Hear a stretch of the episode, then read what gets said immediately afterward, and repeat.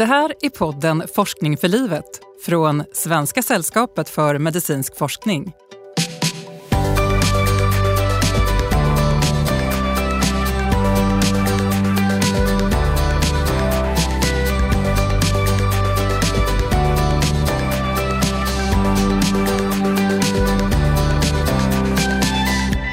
Hur är det att leva med bipolär sjukdom och vad kan få de som drabbas att må bättre? Psykiatriprofessor Mikael Andén berättar om sin forskning och mötet med drottningen och så svarar han på den ständiga frågan om filmen Gökboet påverkar synen på psykiatrin. Du som lyssnar ska känna dig varmt välkommen. Jag som leder podden heter Anna-Karin Andersson och är marknads och kommunikationsansvarig på Svenska sällskapet för medicinsk forskning. Och jag är glad över att få ha en av världens främsta experter på bipolär sjukdom i studion och tillika mottagare av Svenska sällskapet för medicinsk forsknings jubileumspris. Varmt välkommen Mikael Landén. Tack. Mikael, eh, du är forskare och det är för dina vetenskapliga fynd som du prisas av Svenska sällskapet för medicinsk forskning. Vi ska prata om priset och hur det var att ta emot medalj av drottningen. Men vi inleder med att prata om bipolär sjukdom. Parallellt med din forskning är du läkare på en specialistmottagning för personer med bipolär sjukdom på Salgrenska universitetssjukhuset i Göteborg. Vad kännetecknar de patienter som du och dina kollegor tar emot där? Ja, men det speciella med bipolär sjukdom är att man har avgränsade perioder i tiden. Det kan röra sig om eh, någon vecka till någon månad med förändrat stämningsläge. Och då är det ju depression förstås som vi känner till men också det som vi kallar mani eller hypomani som är förhöjt stämningsläge. Eh, och det typiska är ju då att man är inte dålig hela tiden för man kan ju ha problem med lättrörliga affekter. Man blir lite för glad eller man blir lite lätt ledsen och så. Utan det här är ju då personer som under flera år mår precis som vi andra och sen drabbas man då av en eh, depression som ju är ganska vanligt och som många känner igen. Men vad som är lite mer ovanligt då är ju de här perioderna med förhöjt stämningsläge. Man är mycket mycket energi, man sover mindre, man är intresserad av allt och då kan man ju faktiskt bli så sjuk så att man kan behöva sjukhusvård. Mm. Och hur är stämningen då på mottagningen? Är det lugnt eller i vilket skede dyker patienterna upp hos ja, Men det är oftast på en sån här mottagning så är det oftast ganska lugnt. Eh, som på en hudmottagning ungefär. Eh, men det är klart att ibland så har man ett återbesök med en patient som är deprimerad och då blir det ju om möjligt ännu lugnare och kanske lite dystert. Eh, och ibland så är det ju så att man har bokat in ett årsbesök med någon som råkar då ha en hypomani eller kanske till och med mani och då kan det bli liv i luckan kan man säga. Förr sa man manodepressiv om det som nu eh, går under beteckningen bipolär sjukdom. Varför har man bytt namn? Eh, ja, men det är många som fortfarande vill använda den beskrivningen därför att Mm, det innehåller ju då ordet mano som då ska vara för mani och depressiv. Så den, den säger väldigt mycket vad det handlar om. Um, sen är det väl ofta så i psykiatrin att uh, vissa av våra diagnoser får en dålig klang efter ett tag. Så då tycker man att bipolär sjukdom låter lite bättre. Jag tycker att det är också ett, ett bra namn. Men det är inte så att vi det är förbjudet att säga manodepressiv sjukdom. Faktum är att den största eh, internationella läroboken faktiskt fortfarande heter eh, Manic Depressive Illness. Hur många ungefär är det som har bipolär sjukdom i Sverige? Det är ju eh, lite en gradfråga. Men om vi tänker att ungefär en procent av befolkningen, det finns lite olika siffror på det, tar man med hela spektrat så säger man ibland 2,5 procent och tar man med de som finns i sjukvården så är det ungefär 0,7 procent. Men 1 procent skulle bli 100 000 människor i Sverige, så någonstans där. Mm.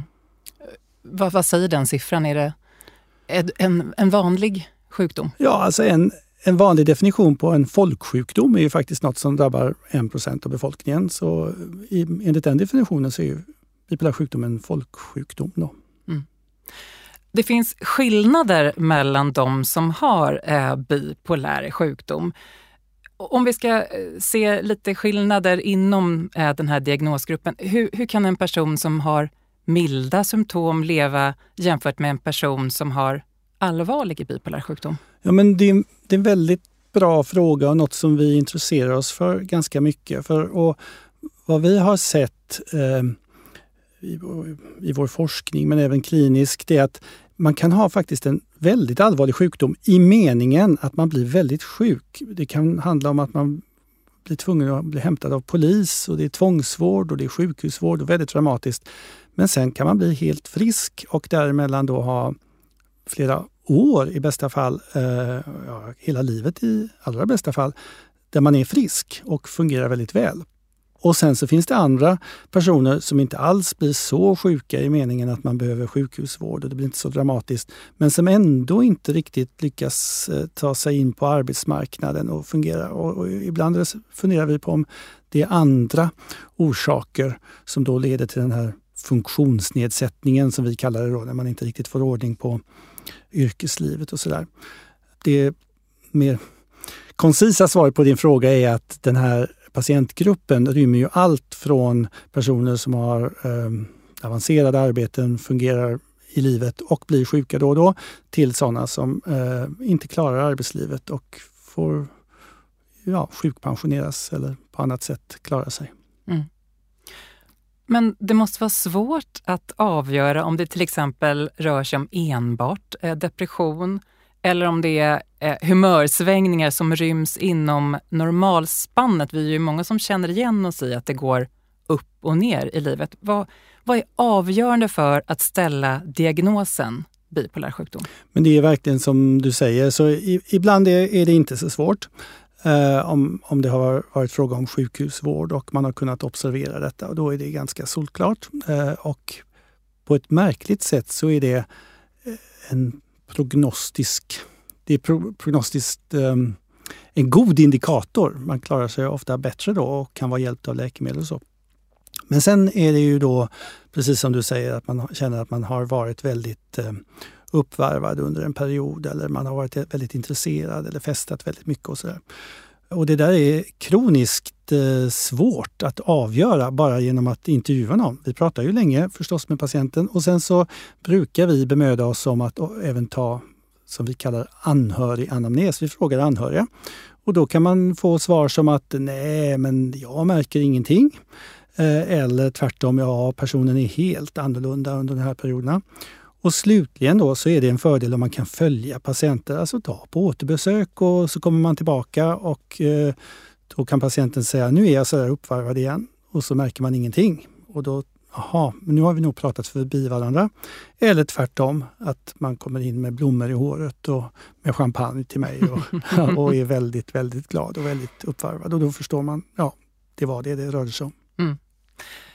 Men, men, när vi pratade om hur många som har bipolär sjukdom så eh, var spannet ändå ganska stort och, och svårt att sätta fingret på den exakta siffran. Alltifrån under en procent till siffror som är över 2 procent, ja. Har det med svårigheten att just ställa diagnosen att göra? Ja, både och skulle jag säga. För det är också så att det vi har lärt oss under de senaste åren, vad som orsakar mm, bipolär sjukdom. Vi har studerat genetiska faktorer. Och det här är en väldigt ärftligt tillstånd. Eh, men då är det inte så att man har någon speciell gen, man har, att man har en bipolär gen eller man inte har den. Utan det är hundratals, förmodligen tusentals genvarianter som samvarierar. Och det där kan man ha mer eller mindre av. Eh, så du kan ha en väldigt hög, vi pratar ibland om genetisk riskpoäng för bipolär sjukdom, så du kan ha jättehög och du kan ha lite lägre. Så det är inte bara att vi är dåliga på att ställa diagnos utan det är också ett spektrum. Eh, så man, man kan ha, tror jag, mer eller mindre bipolär sjukdom helt enkelt. För den som har bipolär sjukdom, då, eh, vad har det för betydelse om man får diagnosen eller inte? Så eh, för den här skolboksexemplet för bipolär sjukdom, det som kallades manodepressiv sjukdom också tidigare, så finns det eh, mycket märkligt en, ett läkemedel som hjälper väldigt bra. Alla blir förstås inte hjälpta, det blir man inte med några läkemedel nästan. Men två tredjedelar blir väldigt hjälpta och det är litium. Och det kallas då en stämningsstabiliserare. Och litium är inget bra alls att äta om man inte har bipolär sjukdom. Så då, då, som alla läkemedel så har det biverkningar, så det ska man inte ha. Men om man har bipolär sjukdom eh, och man kan säkerställa det eh, och ge litium, då, då hjälper man patienter i bästa fall till att hålla sig friska. Och utöver litium, vad finns det för eh, behandlingar att tillgå för den som söker ja, vård? Men så då finns det faktiskt flera i den här gruppen som vi kallar stämningsstabiliserande. Ingen är lika bra som litium, jättekonstigt. Litium är ett grundämne och har funnits, vi har vetat om det sedan 1949. Men det är inget som har slagit det än så länge. Men det finns alternativ. Det finns en del läkemedel man använder mot epilepsi som också fungerar vid bipolär sjukdom. Och det finns också en del läkemedel som kallas antipsykotiska. Det är ett lite konstigt namn för det är inte, vi behandlar inte psykos i detta fallet. Eh, men som också fungerar. Och så kan vi också använda antidepressiva läkemedel. Så det finns, en, det finns många att välja på. Så fungerar inte litium så finns det hopp. Så det är värt att gå till doktorn låter det som? Verkligen, verkligen.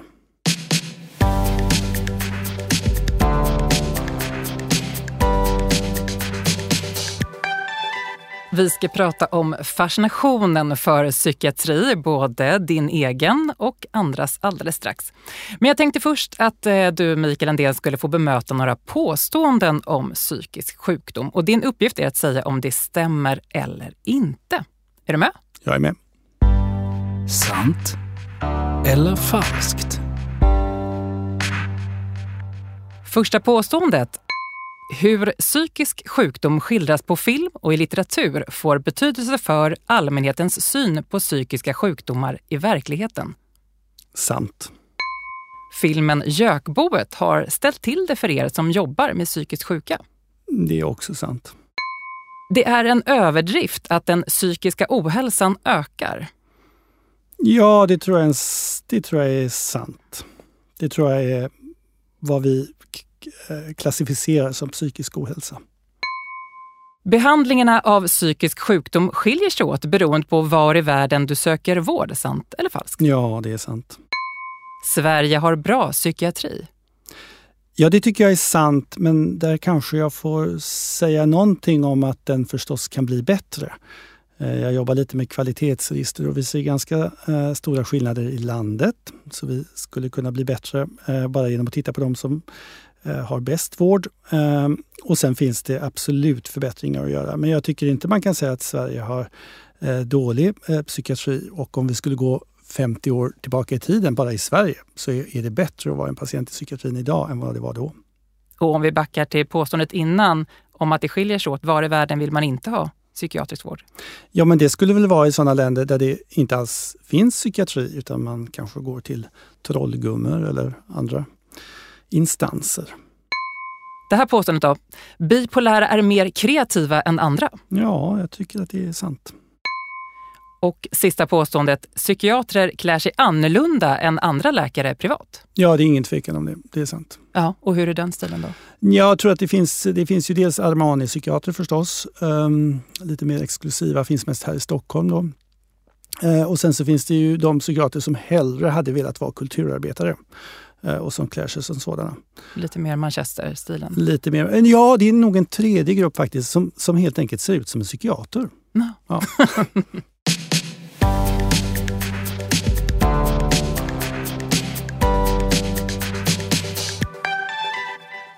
Mikael Landén, när du blev intervjuad i Svenska sällskapet för medicinsk forskningstidning som heter samma som vår podd Forskning för livet, så sa du jag ägnade hela läkarprogrammet åt att fundera över vad jag egentligen skulle göra tills vi kom till kursen i psykiatri. Då var det som någonting hände. Berätta, vad var det som hände? Eh, jag tror att två saker hände, eller kanske fler. Men e, en sak var att vi ju inte har helt klart för oss vad psykisk sjukdom beror på eller hur vi ska behandla eller även om vi har klart för oss så finns det olika sätt att se på detta och man kan angripa det på olika nivåer. Det tycker jag var spännande. Det var liksom inte färdigt.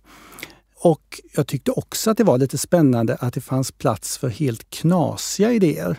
För då kan man gå igång. Alltså en del, eh, man kan ha olika perspektiv, det är en sak, men sen finns det också knasiga idéer.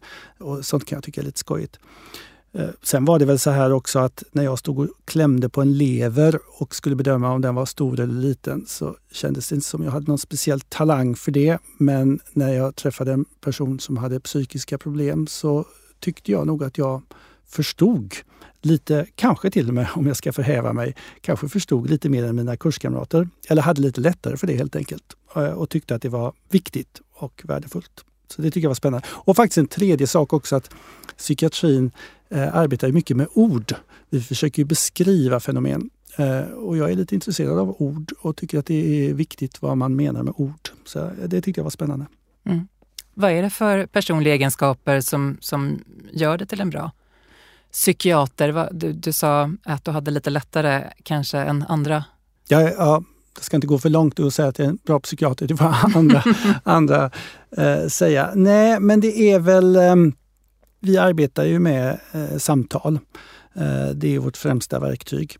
Eh, och det är klart att eh, tycker man inte om människor och inte tycker sig förstå vad andra människor tänker och känner, då blir det mycket svårare. Eh, då blir det ju lite som veterinärmedicin.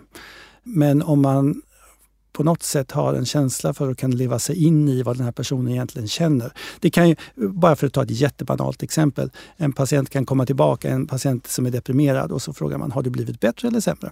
Och så säger patienten, jag, jag, är, jag är nog lite bättre. Vilket betyder att patienten egentligen är sämre. Alltså man får inte vara så bokstavlig utan man måste läsa in eh, en patient på flera nivåer. Så det tror jag är viktigt i psykiatrin och inte vara så... Det, det är inte så konkret. Och sen du fastnade för fältet redan under läkarprogrammet så är det psykiatri och framförallt bipolär sjukdom som du har ägnat dig åt både i din eh, läkartjänst och som eh, forskare. Men, men, det finns även hos folk i allmänhet en, en spänning och en fascination för psykisk sjukdom på kanske ett annat sätt än för andra sjukdomar. Vad är det som skapar den här nyfikenheten, tror du? Jag tror att ett viktigt skäl är att en del, kanske inte alla, men många psykiska sjukdomar är extremer av personlighetsegenskaper eller drag som vi alla har. Så om vi bara tar ett exempel tvångssyndrom där man då tänker på samma sak hela tiden eller man har ett lite magiskt tänkande eller man vill kontrollera spisen om och om igen så att den är avstängd så är det väl ganska många som har känt lite av det. Eh, och man kan kalla sig tvångsmässig och sådär. Så att, eh, eh, och om man pratar om depression så är det naturligtvis väldigt många som har känt sig nedstämda. Det är, är, är ju inte främmande för någon annan än för ortopeder. Det tror jag är ett viktigt skäl.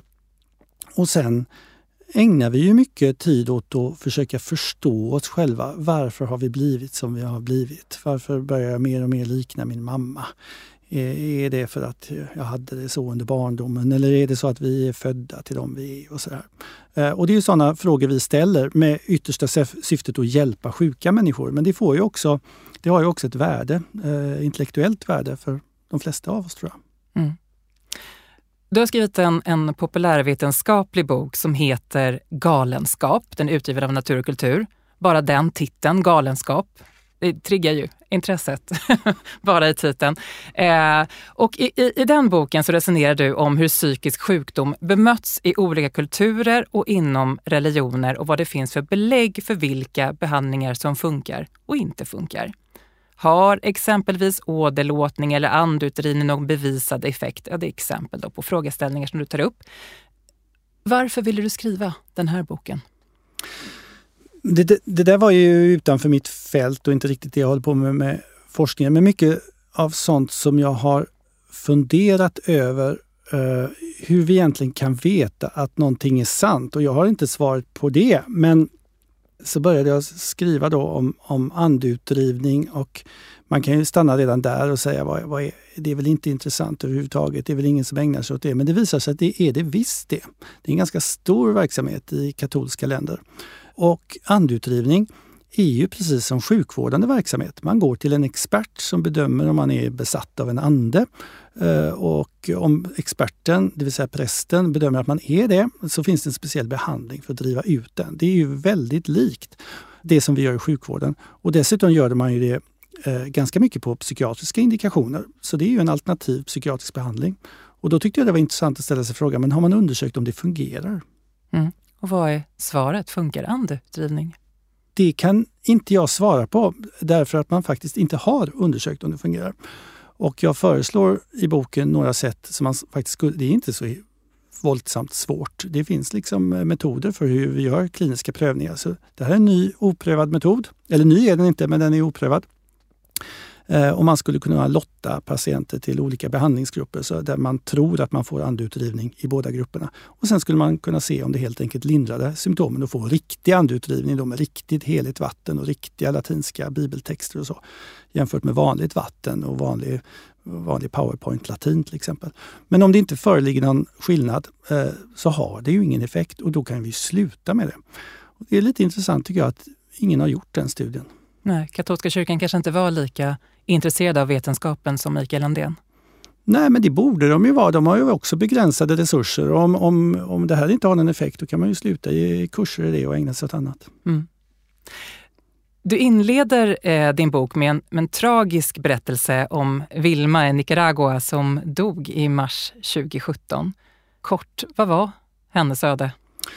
Ja, men hon bodde i Nicaragua och eh, hennes familj hade upp uppfattat att det här det står inte rätt till. Hon hade börjat prata om ormar. Och att, nej, hon var gravid med någon orm tror jag och hon hade ganska mycket psykotiska upplevelser. Och omgivningen förstod ju att det här inte stod rätt till. Men det fanns ju ingen läkare då, och då kallar man på prästen. Väldigt junior och outbildad präst så man, ingen skugga ska falla över alla präster för detta. Men eh, de ställde ju då diagnosen att hon var besatt av andar och sen försökte de då driva ut de här andarna och till slut då så eh, fick de för sig att de skulle driva ut andarna med eld varvid även hon fattade eld och då dog till slut. Och då resonerar jag lite om Mm, man kan ju acceptera biverkningar, kanske till och med faktiskt död av vissa behandlingar om de är visat effektiva i andra fall. Men det är ju väldigt tveksamt om den här sortens andutdrivning är effektiv i något fall överhuvudtaget och i så fall var det ju bara skada som, de, eh, som den här behandlingen ledde till. Eh, utifrån det du känner till om, om Vilma, vilken diagnos hade du ställt? Jag tror, hon hade i alla fall en akut psykos eh, episod. Sen är det fråga om det var början på en schizofreni eller så. Det får vi aldrig veta för hon var inte sjuk så länge. Men en, en akut psykos. Hon kan också ha varit manisk möjligen. Mm. Men är det ett dilemma för psykiatriforskningen att det är ifrågasatt eller oklart vad som är vetenskap och vad som är tro eller placebo? Ja, placebo har vi ju precis som alla andra medicinska eh, discipliner. Men det har vi ju sett att hantera faktiskt i, och ta reda på om det är vår behandling som hjälper eller inte. Sen är det för vissa behandlingar svårare. Psykoterapiforskning är svårare än läkemedelsforskning eftersom just placebo-armen eh, är svårare. Så det är svårare att veta, är det att prata med en klok människa som lyssnar på en? Mm, är det det som är verksamt eller är det den här specifika psykoterapiteorin?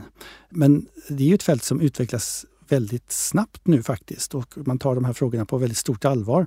För även där, precis som med katolska kyrkan och andeutdrivningsutbildningar, så är det ju så att vi har massa psykoterapiutbildningar. Och det är lika viktigt där förstås att vi faktiskt eh, vet att det vi utbildar folk till, att det gör någon nytta i slutändan. Och det kan vara lite lite svårt. Det var inte riktigt svar på din fråga. Eh, det är inget dilemma för psykiatriforskningen, men det är en utmaning för psykiatriforskning. Du är eh, som sagt mottagare av Svenska sällskapet för medicinsk forsknings jubileumspris och när du tog emot medalj och diplom av Hennes Majestät Drottningen så sa du i ditt tack att du var förvånad över att du prisades just för att ditt forskningsfält är svårt att mäta. Är det så ditt och din forskargrupps arbete uppfattas, att det är svårt att förstå fyndens betydelse? Lite som du var inne på innan. Ja, ibland har vi väl själva svårt att förstå om det har någon betydelse, om jag ska vara krass. Men jag tror att det är så här inom vetenskapen. Eh, en del har ju beskrivit det som att det är revolutioner nu. Man, man kommer på en sak och sen förändras hela forskningsfält, paradigmskiften och så. Men jag tror att en mycket viktigare del är små, små pusselbitar eh, för varje år. Så att man skriver en vetenskaplig artikel och sen skriver man en till och sen så backar man ett steg för man kunde inte, man kunde inte eh, replikera sig, alltså visa den saken en gång till och så. Men det kan vara svårt att eh, förklara varför det ändå är viktigt att, att, utforska den här genetiska bakgrunden till exempel till psykiska sjukdomar. För vi har satsat massor på det, vi har lärt oss massor, man kan hålla långa föreläsningar om det. Men det har faktiskt ännu inte lett till någon bättre behandling om vi ska vara självkritiska och det ska vi vara. Men jag tror eh, ju att det gör det eh, så småningom. Och jag tror att eh, psykiatrin är ju ett fält som har framtiden för sig. Mer än infektionslära, där vi, ja, covid i och för sig var fantastiskt, men, eh, men, men, man vet mer där kan man säga. Du ska få chansen att övertyga oss om att du gör nytta och är vår värdige pristagare.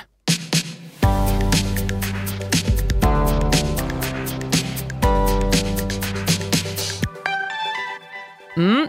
Svenska sällskapet för medicinsk forsknings jubileumspris instiftades i samband med att sällskapet fyllde 100 år 2019. Det delas ut eh, sedan dess vart tredje år. Priset är på 5 miljoner kronor som ska användas till forskning. Och för att kunna få priset så ska man ha fått finansiering från Svenska sällskapet för medicinsk forskning, SSMF som vi förkortar det, i början av sin vetenskapliga karriär. Personen ska bli nominerad och både granskare i Sverige och internationellt bedömer de här nomineringarna. Och motiveringen till utnämningen av 2022 års pristagare lyder Professor Mikael Landén prisas för sina värdefulla resultat inom psykiatriforskningen och sitt tvärvetenskapliga och visionära arbetssätt. Hans genetiska kartläggning av patienter med bipolär sjukdom är den största i världen. Utifrån den har han identifierat biomarkörer som kan göra det möjligt att förutse risk för självmord och kunna erbjuda förebyggande behandling. Grattis igen Mikael Andén. Tack. Du blev uppringd en torsdag hösten 2022 och fick veta att du fått det här priset. Hur var samtalet? Ja, det kommer jag inte glömma det samtalet för jag hade ringt flera gånger. Jag trodde att det var någon säljare från Dagens Nyheter eftersom jag hade sagt upp min prenumeration. Eh, eh, men, eh, och jag hade möte med forskargruppen faktiskt. Vi hade ett litet internat och jag hade mm, nog börjat smutta lite på en öl där faktiskt. när jag ändå tog samtalet när det ringde då för sjunde gången klockan sju. och jag jag blev väldigt glad och väldigt förvånad och väldigt tyst i luren. Det var jätteroligt. Det, det, inte, det var ingen säljare. Nej, och det var en, en överraskning att du fick priset. Du kände inte ens till att du var nominerad. Det var fantastiskt roligt, en jätteöverraskning. Mm. Utöver 5 miljoner kronor så fick du ta emot priset av SSMFs kungliga beskyddare drottning Silvia vid en ceremoni i Stockholms konserthus. Hur kändes det att möta drottningen? Nej men eh, jag trodde ju att eh, eh drottningen var en vanlig människa. Mm. Men det var hon ju inte. Nej. Nej, det är ju något alldeles speciellt faktiskt. Nej, jag vet inte om det finns något ord för det där. Eh, men jag fick alldeles darr i benen och jag kände också att jag varit med om något väldigt speciellt. Nej, jag är, jag är, imponerad av eh, drottning Silvia och tyckte att det var väldigt stort. Mm. Sa hon någonting? Det sa hon, men jag var alldeles för självupptagen och eh, nervös. Så jag, vet, jag, tror att hon sa bra jobbat eh, Mikael, eller någonting sånt där. Mm. Mm. Men det var säkert väldigt klokt sagt. Ja. Eh, du prisas ju bland annat eh, för din kartläggning av patienter med bipolär sjukdom och ett av dina visionära mål är att kunna förutse vilka personer som har en ökad risk att begå självmord. Hur skulle det här kunna gå till? Vad är... Ja, alltså vi, vi tänker väl så självmord är ju en, ja det är väl ändå det värsta utfallet vi kan tänka oss och det är väldigt förhöjd självmordsrisk vid bipolär sjukdom.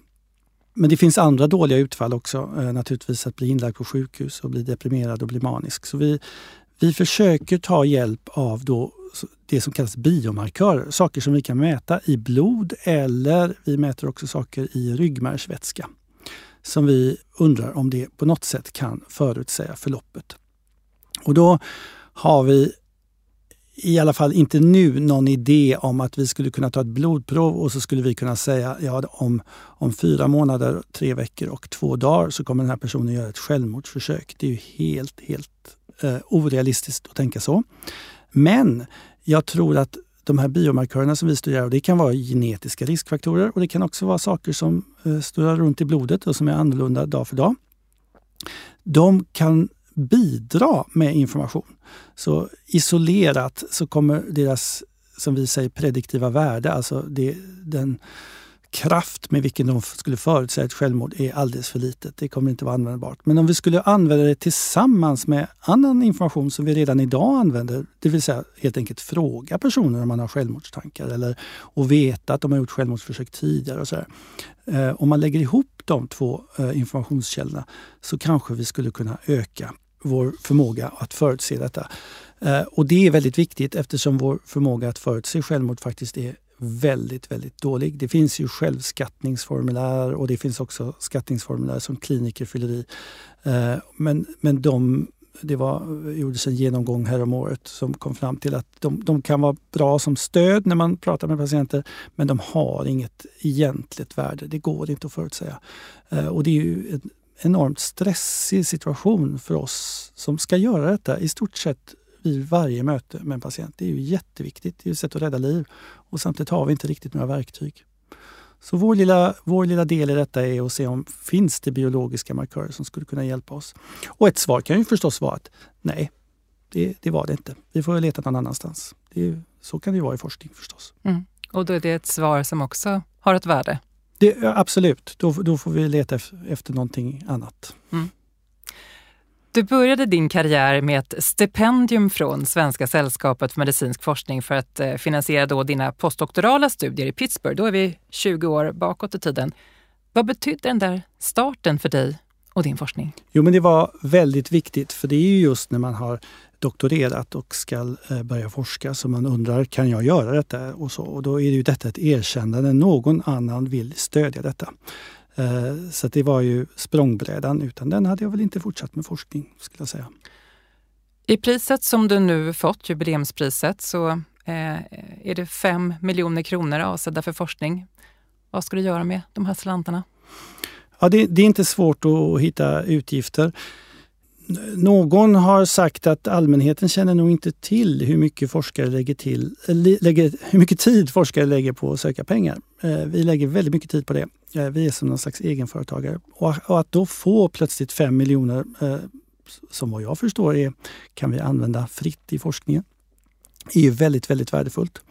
För det gör ju helt enkelt att det skapar tid för att bedriva forskning istället för att söka mera anslag. Men på din fråga vad man gör med den så är det, eh, handlar det mycket om att få eh, anställa eh, yngre personer eh, som analyserar de data som vi har. Vi har gjort många studier och har mycket data men det behövs ju personer som sitter ner och analyserar de här och får fram forskningsresultat från dem. Så det kommer jag använda dem till.